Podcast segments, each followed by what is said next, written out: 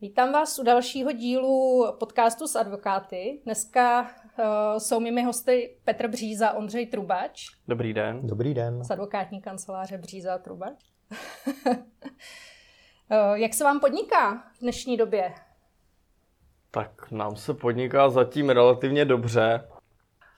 Protože ono je to tak, že když je ekonomická krize a jsou problémy, tak zároveň to znamená, že lidi často potřebují i právní pomoc a generuje to i spory, jako každá krize. My sporovou agendu hodně děláme, takže v tomhle ohledu pocítili jsme to, pocítili jsme to v dubnu, květnu, tam opravdu byl relativně propad. To byl ten šok zájmu. velký asi To byl ten velký šok, on ještě ta druhá polovina března, to se tak nějak dojeli věci, které byly zadané na začátku března, na konci února, tak tam ještě ta práce byla a pak v tom dubnu to opravdu jako spadlo. Květen taky, ono samozřejmě v souvislosti s covidem byly taky nějaké nové jako úkoly, kdy se reagovalo na ta opatření, řešily se home office a tyhle ty záležitosti, takže tam nějaká, nějakou tuhle tu práci to generovalo a na druhou stranu to zastavilo některé transakce, protože najednou klienti nevěděli, prostě jestli do toho jít, nejít, bylo tam i třeba v oblasti lázeňství, jsme měli nějakou transakci a v těch, oborech, které najednou přestali nebo v tu chvíli se zdály, jakože nemusí být tak atraktivní, jak, jak to původně vypadalo. No a pak se to nějak eh, přes to léto, v tom červnu se to zase nějak rozběhlo a teď zatím nějaký propad nepocitujeme, je to tak klasicky, jak to bývá na podzim, že klienti chtějí stihnout spoustu věcí do konce roku. Mm. Takže běží různé transakce, jak jsem říkal, objevují se už i různé spory právě už generované tím, že, že ty firmy si nějakým způsobem samozřejmě hlídají to cash flow a hlídají si ty svoje výdaje a sledují, jestli jako za tohle to opravdu chtějí zaplatit, jestli tam nebyla, nebylo nějaké vadné plnění a tak dále. Často je to i o tom, vidíme to i na těch protistranách, že třeba opravdu hledají nějakou záminku, jak získat slevu nebo jak nějakým způsobem prostě eh, zlepšit tu svoji hospodářskou situaci, protože všichni jsou hmm. opatrní a nevědí, jak to dlouho ještě bude trvat a jaký dopady to bude mít. Jdou firmy spíš do sporu nebo spíš do dohody?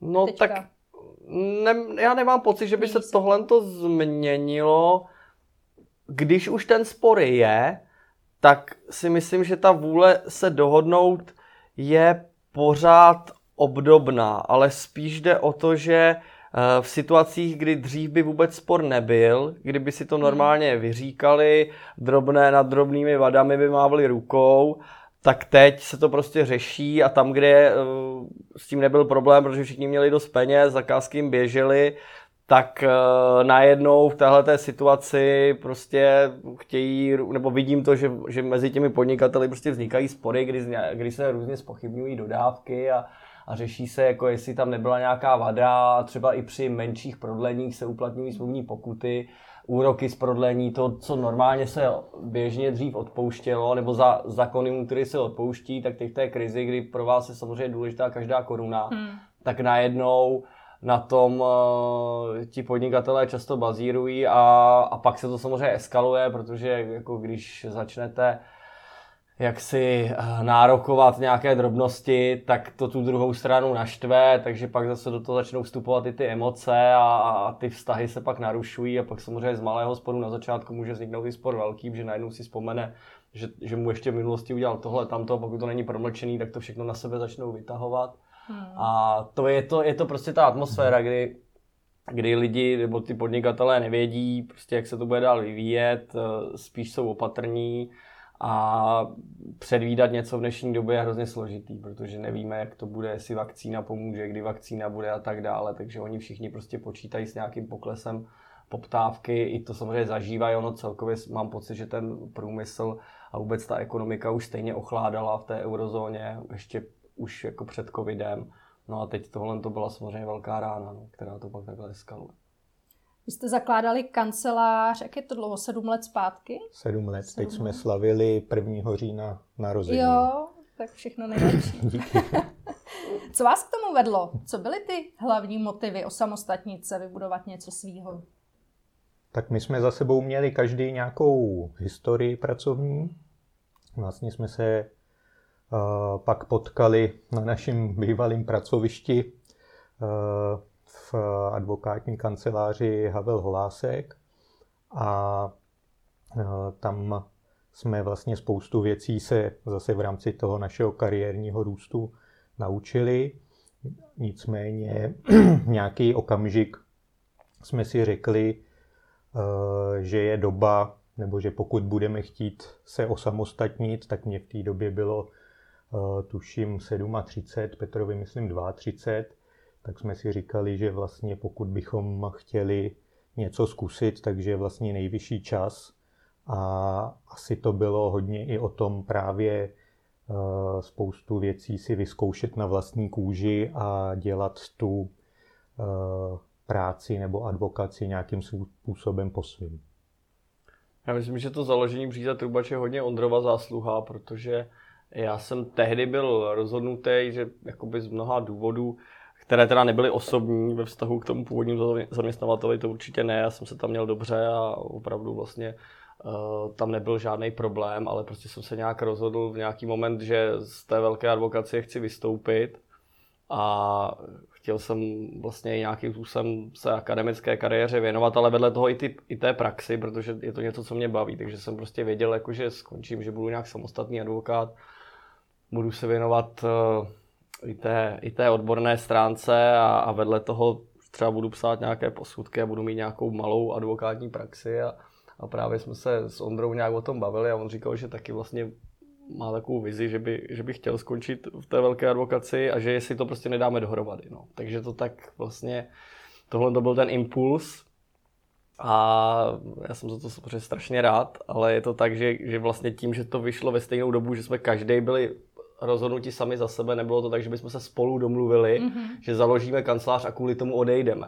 Bylo to tak, že já jsem odcházel, on se to dozvěděl a ty myšlenky měl taky, tak říkal, že když jdeme oba, tak jestli ne, neodejít jako do něčeho společného. No, já jsem tehdy, když to řekl, tak jsem z toho měl hrozně dobrý pocit, tak na ty pocity docela dám.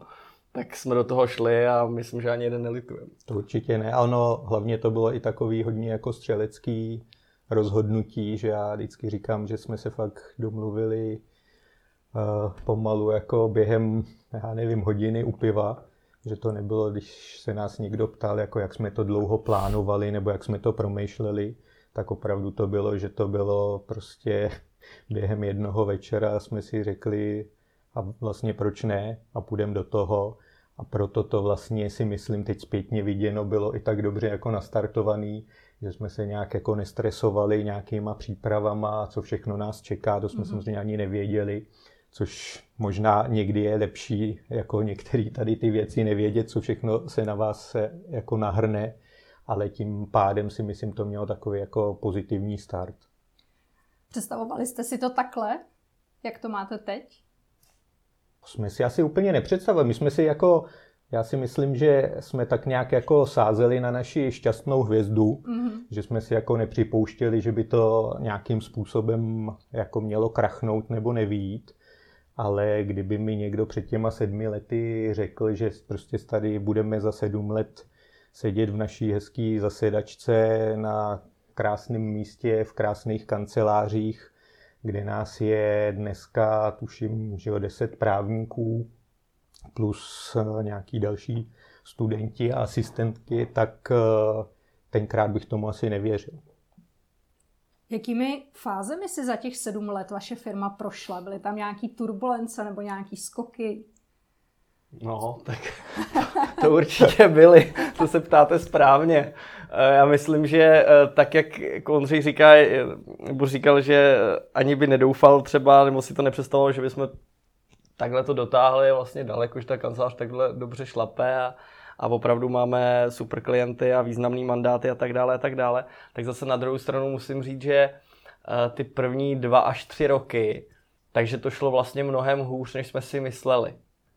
Že opravdu to bylo náročný a bylo to často i o tom, že jsme opravdu koukali na ten účet, nebo tak nebylo to tak, že bychom byli v mínusu, nebo tak, ale že opravdu naše příjmy příjmy se pomalu vrátily jako do období jako studentských let nebo těsně po škole, že, že opravdu to někdy bylo, že přišla třeba zakázka, která nás vlastně, nechci říkat jako zachraňovala, jo, ale jako dost narovnávala to naše někdy neúplně jako optimistický cash flow. Zkrátka ten růst byl, on tam byl od začátku. To, to ne, že ne, ne, že by to bylo jako, že by to šlo jako z kopce dolů.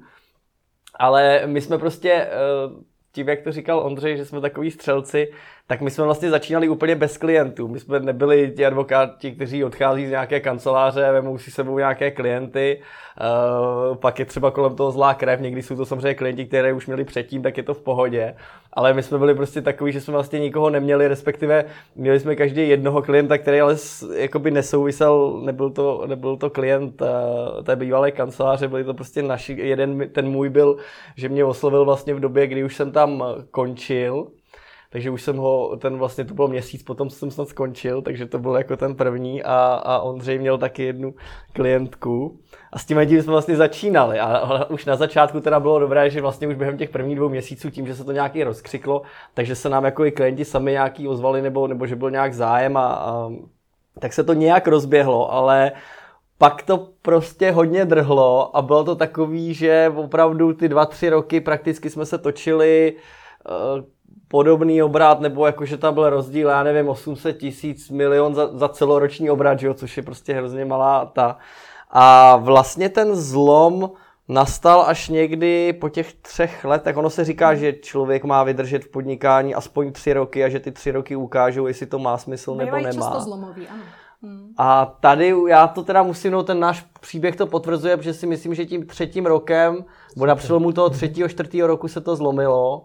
A pak vlastně ten eh, velký pak skok, opravdu jako mm, exponenciální byl, eh, ve chvíli jsme se rozhodli přestěhovat tady do těch, těch prostě větších prostor v centru.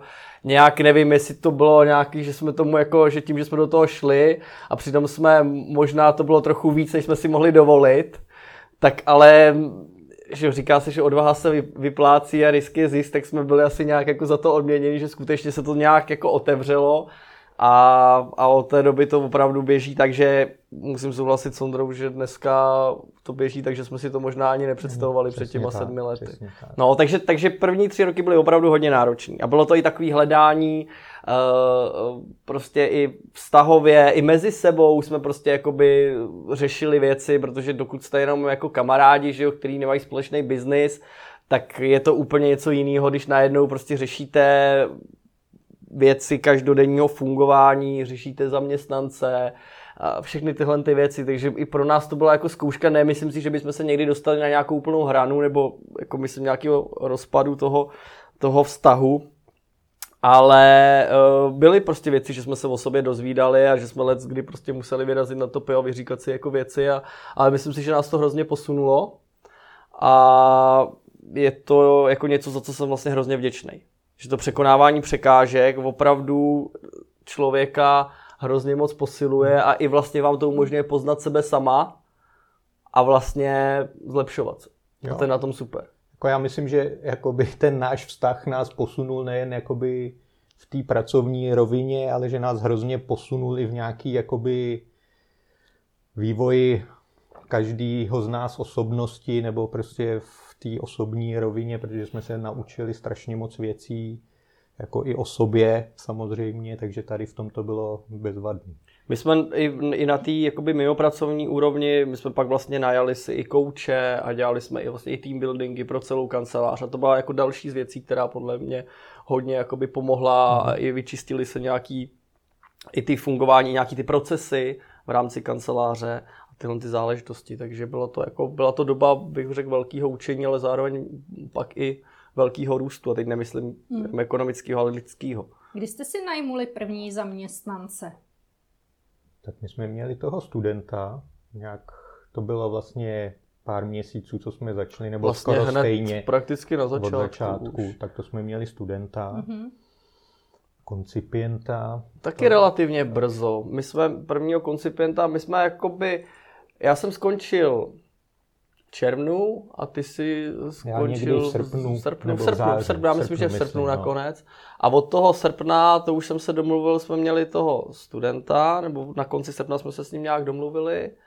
A my jsme tu kancelář, vlastně tu smlouvu o združení jsme podepsali k 1. říjnu 2013, proto to jako slavíme jako naše narozeniny. ale to září už samozřejmě vrcholily přípravy a prostor a všeho. No a koncipienta, ten k nám přišel někdy na konci října. A ten důvod byl i ten, že my jsme si hrozně rychle uvědomili, že prostě potřebujeme někoho, kdo nám bude pomáhat s těma podáníma s prací, protože vy jste najednou v té roli, že vám ta práce jako nechodí, vy musíte taky hledat, že jo, musíte to domlouvat a tak dále, takže vlastně bylo mnohem méně času, nebo bylo prostě méně času na tu právní práci, jakkoliv i, i v té předchozí kanceláři jsme se věnovali schůzkám s klienty a i nějakým biznisovým akcím a tak dále, ale tady bylo vidět zvlášť ze začátku, že je potřeba opravdu prostě nějakým způsobem být aktivní tím tím směrem v tom business developmentu No a zároveň potřebujete teda pak někoho, kdo vám pomůže s tou právní prací, když si to všechno nemůžete napsat prostě od až do Z. No. Takže to byl ten důvod, že jsme se pro něj rozhodli brzo. A, a myslím si, že to říci... byla jako velká výhoda, že teď zpětně viděno, když třeba to vezmu nějaký kamarády, co si jako taky zakládali kancelář mm-hmm. a jako možná přiznám, jako že trochu víc než my, co tak si dělali různý, já nevím, ekonomické analýzy nebo podobně, mhm. což jak říkal Petr, my jsme jako si moc nedělali a spíš jsme to tak, no prakticky vůbec, no, takže jsme to spíš tak střelecky pojmuli a vlastně, když tady ještě můžu možná prozradit, jako my jsme neměli našetřený ani žádný jako miliony, takže jsme měli jako každý pár set tisíc a vlastně jsme si to rozdělili, že Část těch peněz jsme dali na nákup nějakého základního vybavení kanceláře a teď už si to úplně nevybavuju a mám pocit, že ty peníze jsme si propočetli, že nám musí vydržet nějaký tři nebo čtyři měsíce a že během těch se to prostě musí jako rozjet. Což naštěstí tady klepu na dřevo se i stalo.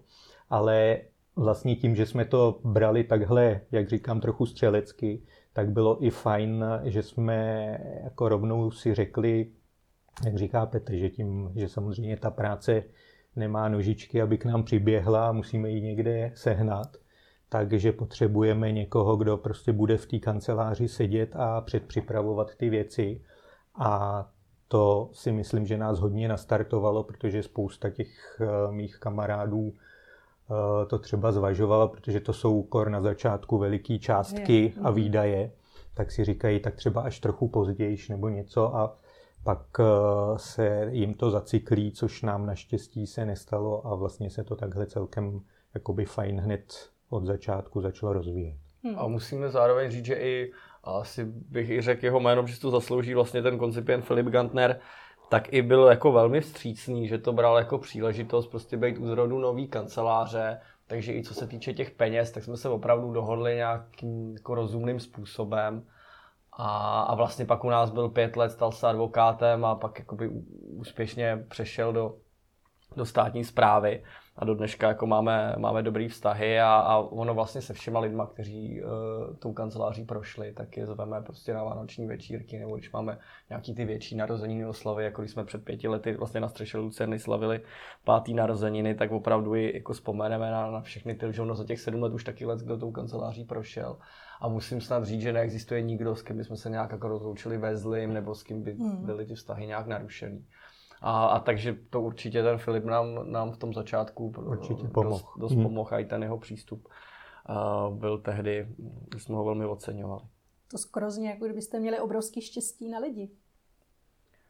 No já si myslím, že celkem, myslím, že máme. že celkem máme štěstí na lidi. Ono vlastně, co se týče nějaké fluktuace, tak uh, u těch právníků opravdu jakoby moc velká není, když samozřejmě nějakým způsobem se to taky mm, tady nějak proměnilo, to určitě, ale spíš to byly takové nějaké objektivní důvody, proč ty lidi třeba odcházeli, než by to byly nějaké vztahové problémy, hmm. nebo že by museli jít a nebo že by oni měli problém s náma.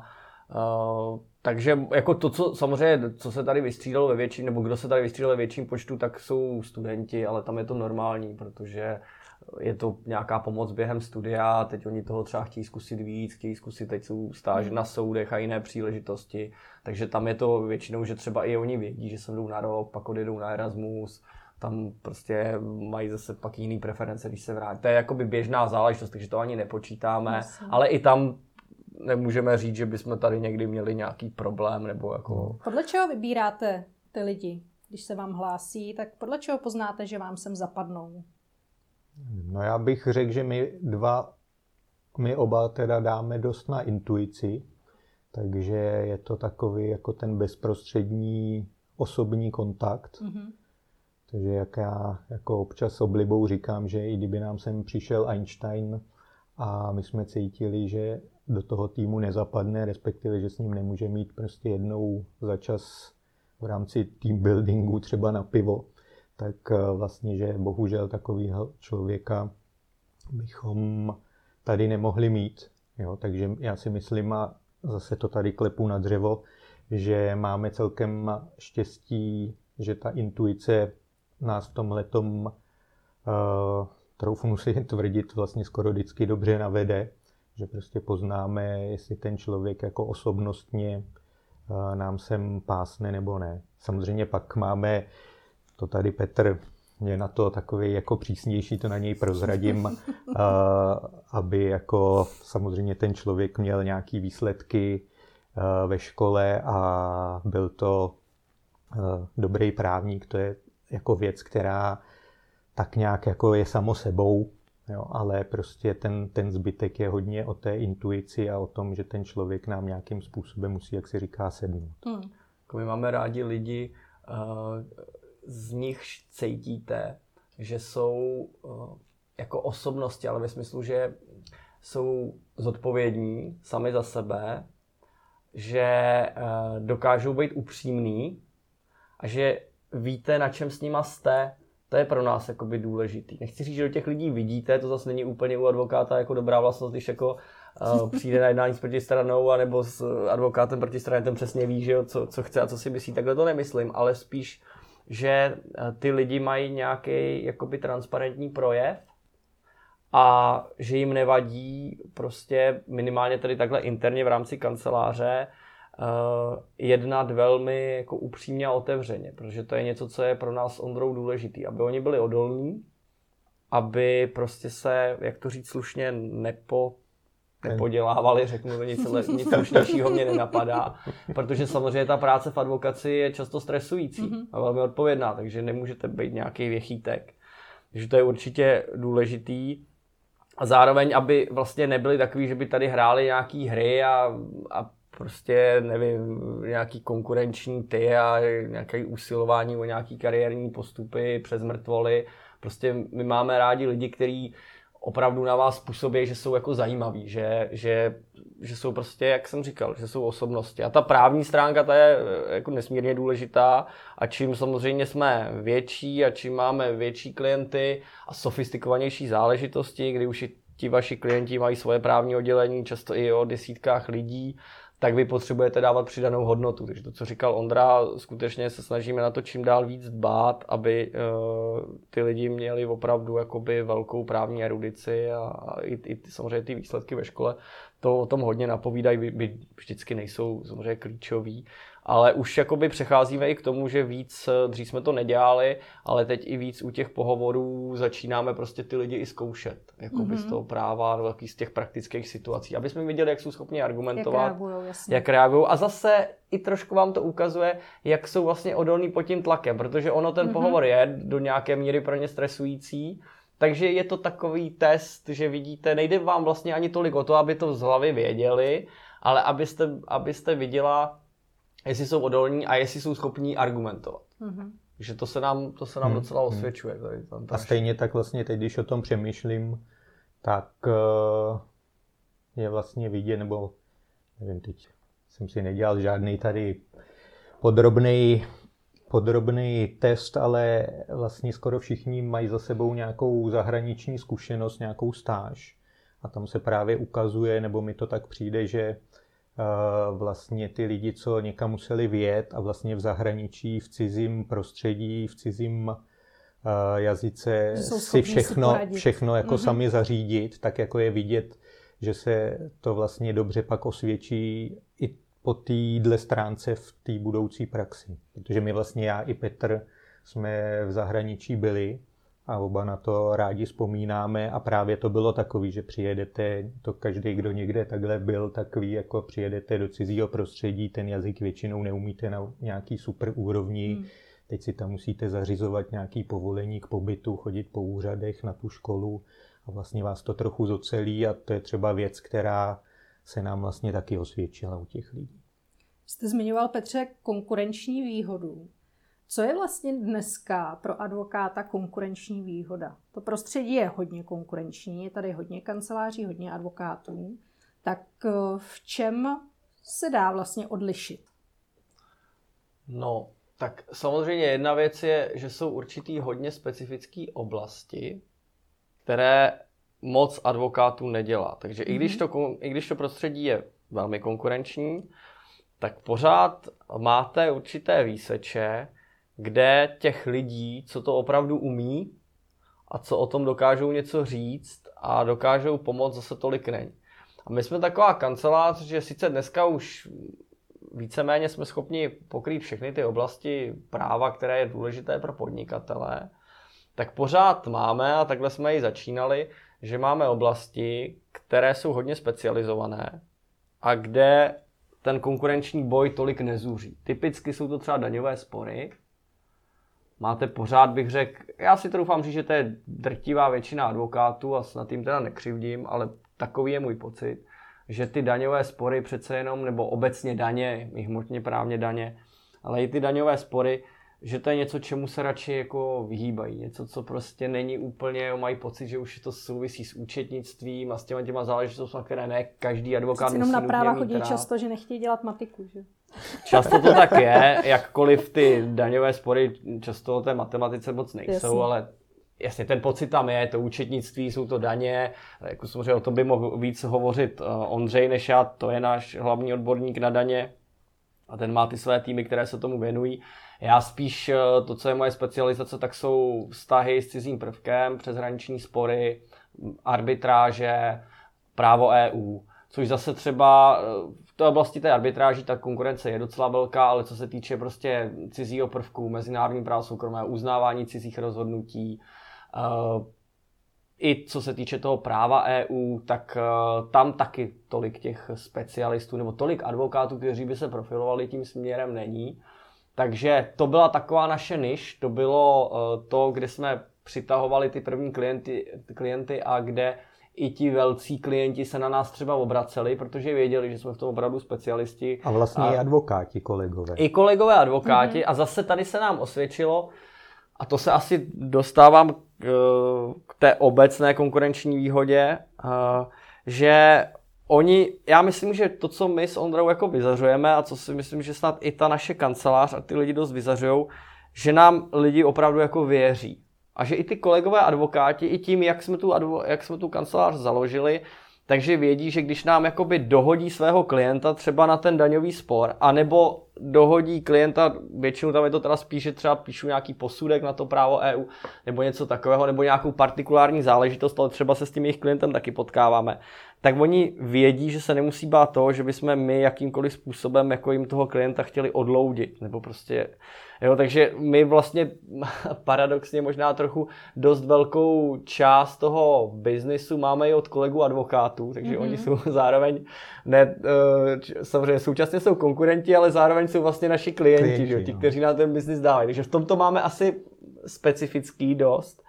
A pak ta obecná konkurenční výhoda, ale tím teď nechci říct, že jsme to jako my jediní, jo, kdo, kdo takhle eh, funguje a působí, tak to určitě ne, ale jako by ten dojem z toho, co nám třeba klienti říkají, ti, kteří třeba přešli od někoho, nebo že se jim jako líbí, že my s nima jednáme opravdu upřímně, jako na rovinu, že i když se třeba i stane to, že, že něco eh, člověk mohl udělat líp, nebo to nakonec prostě ten výsledek je takový jakoby horší, než si člověk představuje, takže se to nesnažíte před tím klientem nějak zakamuflovat a vyvolávat dojem, že je to všechno perfektní, ale prostě na rovinu mu řeknete, hele, tady jsme možná měli jít jako tou jinou cestou, tady to, kdybych dělal znova, tak udělám jinak, jo. Teď nechci říct, že to je něco, co by se nám dělo na, na denní bázi, ale spíš to dávám jako extrémní příklad, že my se i nebojíme mm-hmm. být tím otevřený i ve chvíli, kdy to není úplně jako příjemný. A uh, tady to soudím podle té jejich reakce, že oni prostě řeknou, tak na tohle to jsme jako, jako zvyklí nebyli, to my hrozně oceňujeme, že, že jste k nám takhle upřímný. a opravdu se nám dějou i ty věci eh, třeba i v rámci fakturace, že já pošlu přehled hodin, všechno, co jsme na tom odpracovali a říkám, myslím si, že jsme na to mohli, že jsme mohli být efektivnější, to znamená, já vám prostě tady třeba 5 hodin, 10 hodin odepíšu, budu fakturovat jenom tohle. A opravdu se nám jako stane, že jsme obdrželi jako nesouhlasný maily typu vážený pane doktore, s, s fakturací absolutně nesouhlasím. Okamžitě si tam přidejte ty hodiny, které jste na tom strávili.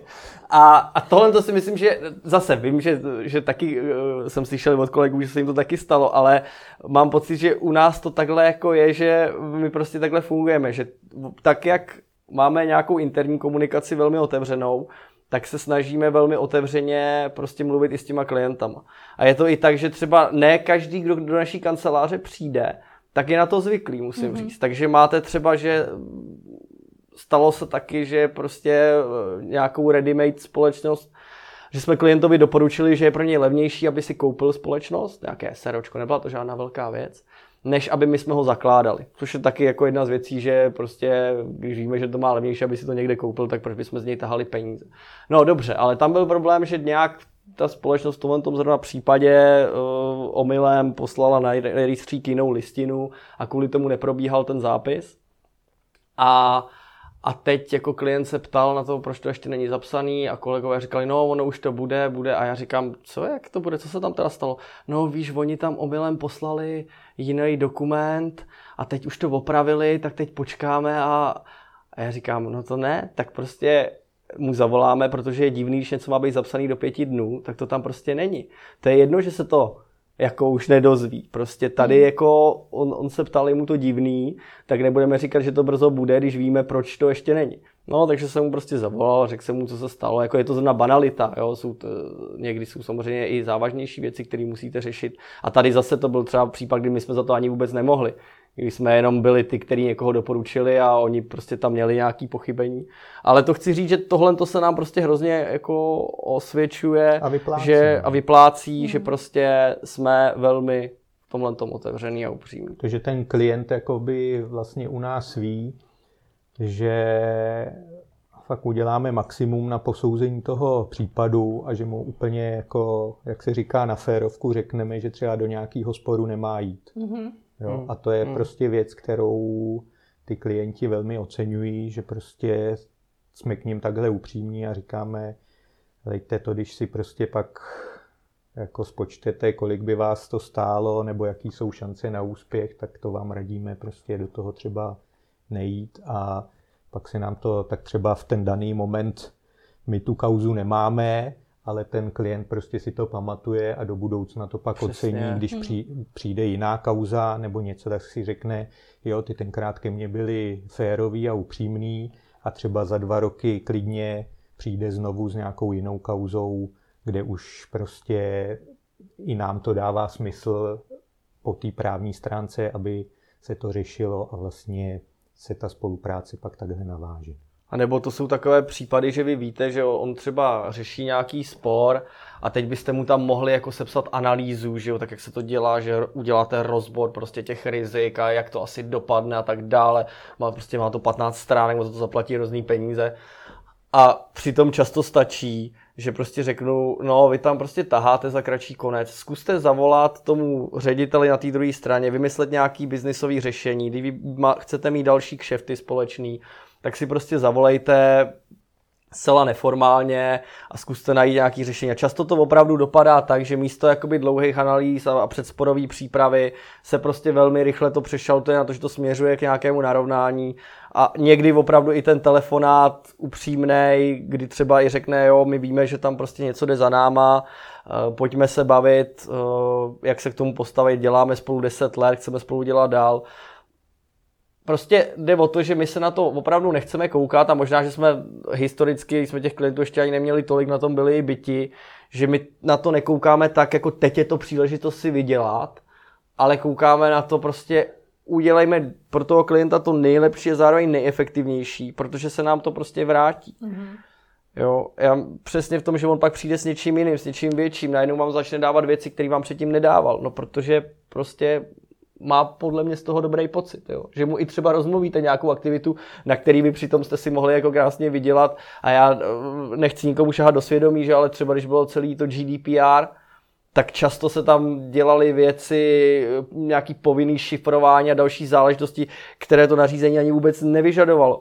A prostě já, když jsem jako někdy viděl, co, co, co někteří klienti říkali, jaké dali miliony prostě za ta řešení, věci, které se daly podle mě udělat prostě pětkrát a, a, a víckrát efektivně. Nevím, samozřejmě vždycky záleží na tom, jak, jaký je to segment, protože někde jsou citlivé údaje a tak dále. Není to jako, že, že automaticky, když jako někdo dal miliony, tak to bylo moc, to neříkám. Ale prostě v některých případech, když člověk slyšel, co po trhu třeba jakoby se nabízelo a co ti klienti údajně jako platili, tak si člověk říká jako dobře, tak někdo to chtěl jako se zlatou mašličkou ještě tam chtěl 20 věcí, které vůbec nebyly potřeba, ale otázka je jako, věděl to ten klient, že, že tam je 20 věcí, které třeba nejsou nutně potřeba. Jo? A to je to, co občas si jako říkáte, uh, že někdy máte pocit, z toho, co, co vidíte, že se někdy nabízí, nebo se vás třeba i klienti ptají, protože jim chodí taky různé nabídky, že jo, má někdo i víc kanceláří a tak dále, tak, tak říká, tady to mi teď někdo nabízel,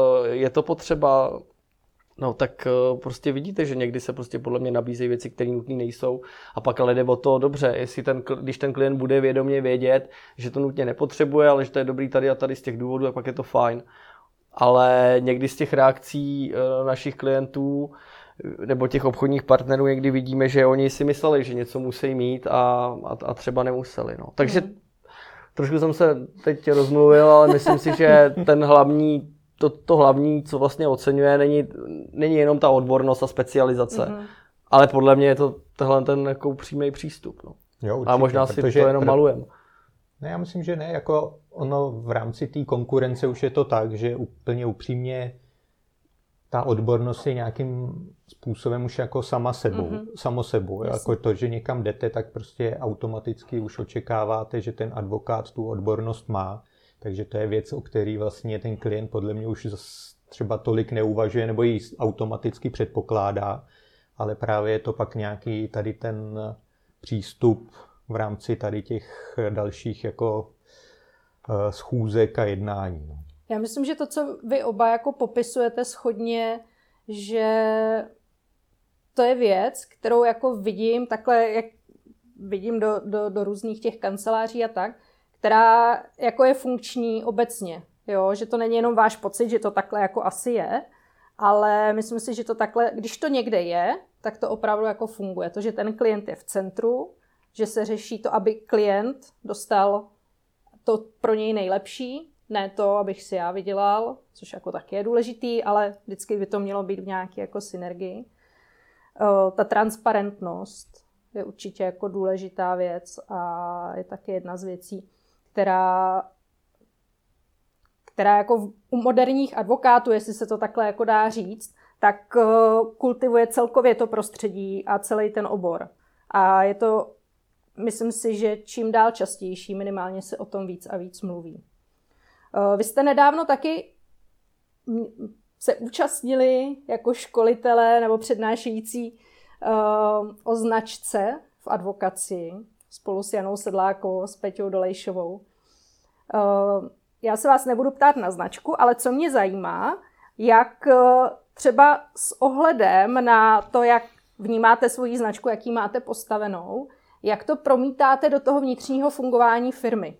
Jo, jak tomu přizpůsobujete třeba komunikaci, jak tomu, přistupuje, jak k tomu přizpůsobujete nějaký vnitřní pravidla, vnitřní postupy, jestli s tímhle pracujete nějak vědomě, nebo je to spíš jako na intuitivní úrovni?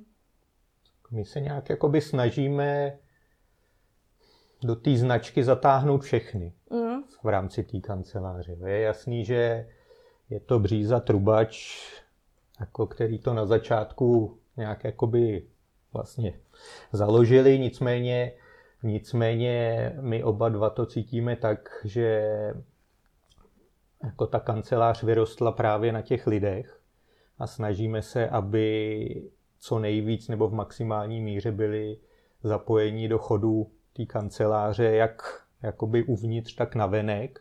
Takže eh, třeba i na venek jsme teď hrozně rádi, když třeba někdo má nějakou přednášku nebo někde vystupuje a musím říct, že třeba pro mě je to hrozně fajn vidět, že už to není jenom, že vystupuje buď bříza nebo trubač, ale že prostě jde někdo z kanceláře, jako v úvozovkách nese tu naši, naši vlajku a jde někde přednášet jako advokát nebo koncipient eh, bříza trubač.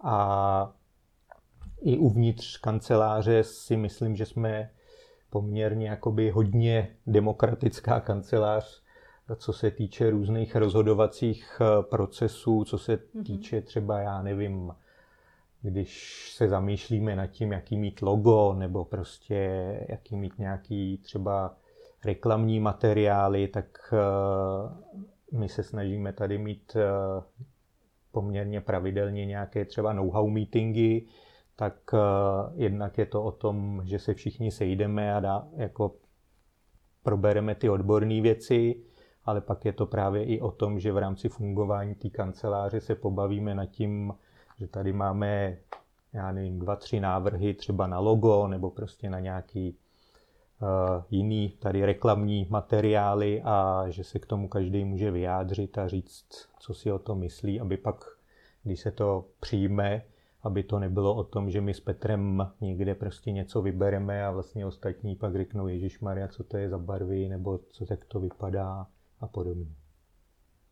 A my to se snažíme, ta formální stránka je jasná, že, že máme prostě, logo vlastně bylo jedna z prvních věcí, do které jsme investovali, že skutečně jsme si vzali odborníka a uh, ne úplně malou část těch peněz, které jsme tehdy měli našetřeny pro založení kanceláře, tak jsme teda investovali do, do toho loga. A, i tehdy nám bylo vysvětleno, že černobílý je nejlepší, že to ke všemu pasuje a že nějaký barvy a když jsme mu říkali nějaký no, návrh, jsme chtěli nějaký za hlavu chudák. A to, a to jsme udělali. barvy, sválně? No ne, my jsme říkali zelenou, že jsme říkali jako no, hrozný, vlastně, zíza jako. prostě, jo, zelený strom a on na nás koukal vlastně úplně. A, a on vypadal, ten vypadal, že ho trefí šlak. Že s náma končí jako. A furt nám to vysvětloval, že prostě to je úplný nesmysl a že přeci jako se nad tím musíme zamyslet. A naštěstí, jako já si myslím, že v tom máme trochu výhodu, jak, jak jako jsme, tak jako, že když za náma přijde klient jako za odborníkama, tak jako mu rádi jako poradíme, tak stejně tak si myslím, že máme určitou pokoru v tom, že když my jdeme za nějakým odborníkem a on nám něco poradí, že jsme ochotní jako změnit ten názor, ale to logo, to si pamatuju do dneška, to bylo hrozný, protože my jsme přesně měli nějaký jsme se bavili ještě dva dny celý pomalu s Petrem mm. o mhm. těch barvičkách a pak jsme přišli za tím člověkem a ten opravdu na nás koukal, jak a ty fonty, jak s náma řešil, a pak nejdřív chtěl, aby jsme si nějaký koupili a pak on nějak zmizel, že jo, jak je ta burza těch fontů, nebo co já vím, že jsem někde jel do Německa, že někde na Rozvadově, nebo kde prostě, že mi Ondra kvůli tomu volal a že už ten fond není a říkal, jako největší naše starost je při založení kanceláře, že řešíme už jako 14 dní logo. Ale nakonec jako jsme rádi, že jsme se nechali přesvědčit a to logo vlastně eh, v té základní podstatě je pořád stejný a to nám zůstává, jako měníme nějak kolem toho uh, různý ty propagační materiály a tak dále, ale to logo samo o sobě vlastně nějakým způsobem zůstává a, a nemáme asi zatím nějakou tendenci uh, ho měnit. No a tak to je ta formální stránka, že jo, vizitky, my máme tady tyhle ty vlastně průhledný, což je taky zajímavý, že to taky jakoby vlastně... Jsou neobvyklý. Že to je hmm. takové jako icebreaker a, a, že vždycky kolem toho, když to dáte klientovi, takže se o tom chvilku baví a někdo občas řekne, že jsou z plastu a my říkáme, no ale my máme klienta, který uh, přichází a vlastně začíná spouštět jako fantastickou recyklaci plastového odpadu, takže jako tyhle ty vizitky nikde nic nebudou, žádný moře uh, to znečišťovat. No a pak je i ta jako verbální stránka, že my se i snažíme jakoby s těma lidma mluvit eh, v tom smyslu, že prostě Bříza Trubač je nějaká značka a že chceme generovat nějakou kvalitu. A já jim to jakoby často říkám, ale tohle to nebyla prostě BT kvalita, jo, nebo takhle to v BT nejde. A nebo já to dokonce říkám i studentům, když přijdu ze zkoušky dostanu dvojku, tak já říkám, jakou dvojku, jsi přece z BT, ty musíš mít jedničku. Jo? A takhle, takže se to snažíme i takhle jakoby v nich jako utužovat, ale samozřejmě musí ty člověk příkladem v tom uh, té odbornosti a, a v tom, co dokáže jako klientům poradit, aby věděli, že to nejsou jenom jako prázdné slova, ale že to je pro nás opravdu důležitý. Takže jsme i rádi, když třeba opravdu i ti, i ti velcí prestižní klienti, jejich právníci, když prostě nás pochválejí za memorandum prostě nebo za nějakou práci na nějakém sporu, tak i rádi jakoby to i ukazujeme těm dalším členům kanceláře, aby to jako posilovalo uh, to jejich jako vědomí, že má smysl tu práci tady dělat, že přináší nějaký výsledky a že samozřejmě je náročná, ale že to stojí za to. A poslední otázka, kterou na vás mám, je, jak vidíte budoucnost advokacie celého oboru, kam se bude ubírat, ať už z hlediska obsahového, a teď nemyslím jako ty advokacie samotný, ale tomu, toho přístupu ke klientům, té formě třeba, v jaký se pracuje, nebo z hlediska technologického, cokoliv, co vás napadá. Tak ono, že když to třeba vezmu na sebe, já když jsem začínal někdy v roce 2004 snad, tak eh, jestli si to ještě pamatuju vůbec dobře, tak eh, vlastně už tady za to období je obrovský posun i v tom poradenství, třeba v tom, že tenkrát, když jsem nastupoval, tak byl ještě trend a úplně normální, že se psali prostě obrovský stanoviska na všechno, který měli prostě 30-40 hmm. stránek, měli tam milion různých disclaimerů a prostě se to, to prostě tým lidí na tom trávil pomalu týdny a pak to šlo prostě s mašličkou na toho klienta, stálo to spoustu peněz. A myslím si, že ten vývoj jde neúprosně k tomu, že ten klient dneska absolutně jednak není ochotný za to platit takové částky a za druhý to není ani schopný už číst, protože ta doba se tak hrozně zrychluje, mm-hmm. že on prostě přijde s problémem a řekne, je to tak a onak a řekněte mi A nebo B, co si myslíte, že jako je podle vás správně a on prostě nechce tady to A nebo B slyšet na 50 stránkách, jemu to stačí prostě napsat nějak obsáhlejš třeba do e-mailu a podle toho se pak rozhoduje. Takže třeba tady to je věc, která podle mě bude pokračovat ještě víc, že, že ten tlak jakoby na tu rychlost a současně kvalitu a omezení nějakých uh, jakoby disclaimerů poroste ještě víc než, než jako v současnosti. To je zajímavé, že jsme se o tom s Ondrou nikdy nebavili a on řekl úplně přesně to, co napadlo i mě, že to je, ob- že rychlost a jednoduchost, aby ten klient to dostal v podobě, kterou může eh, jakoby rychle navnímat, rychle strávit a když už teda chce opravdu třeba k něčemu stanovisko, nebo nějaký větší posouzení, tak i tam se snažíme, aby tam bylo executive summary na, začátku, schrnutí a doporučení na konci, aby tam měl dva body, kde to najde jako všechno rychle mm-hmm. a aby to psal, bylo psáno maximálně srozumitelným jazykem. Takže ne žádný latinský citáty, ne žádný prostě citace z judikatury na dva odstavce, Prostě pro mě je pochvala, když mi klient řekne, že jsem mu to hezky četl. Já, já věřím, že je spousta kolegů, kteří by si řekli, jejda, tak to muselo zjednodušený a, a neměl tam to podstatný. Ne, já věřím, že když vám klient řekne, že se mu to, že se mu to dobře četlo, nebo dokonce hezky četl, co nám občas říkají, takže to je ta, ta správná reakce, že prostě nám se to podařilo vysvětlit tak, že pro něj to nebylo obtížný a nebylo zlouhavý to navnímat. A vždycky tam můžete mít samozřejmě někde v poznámkách pod čarou i, i nějakou tu citaci z judikatury a tak dále. Vždycky tam musíte mít samozřejmě ty argumenty, o co to opírat. Ale podle mě největší umění je, když dokážete složitý věci podat jednoduše. A takový to, že někdo říká, ono je to moc složitý, moc to nedá úplně vysvětlit, mm, to je pak o vás. To je pak, že vy nejste schopni to vysvětlit. Protože tomu možná tolik jako nerozumíte. Ale myslím, že když něčemu rozumíte, tak je to, se to právě pozná v tom, že složitou věc podáte jednoduše, tak aby ten druhý, i když o tom toho moc neví, tak aby to chápal. Super, moc vám oběma děkuju. Ještě jsem tam měla spoustu dalších otázek, ale tak to třeba někdy příště. Třeba příště. Díky. Tak my taky děkujeme Teď moc. se vám daří. Děkujeme. Vám taky, naschledanou. naschledanou.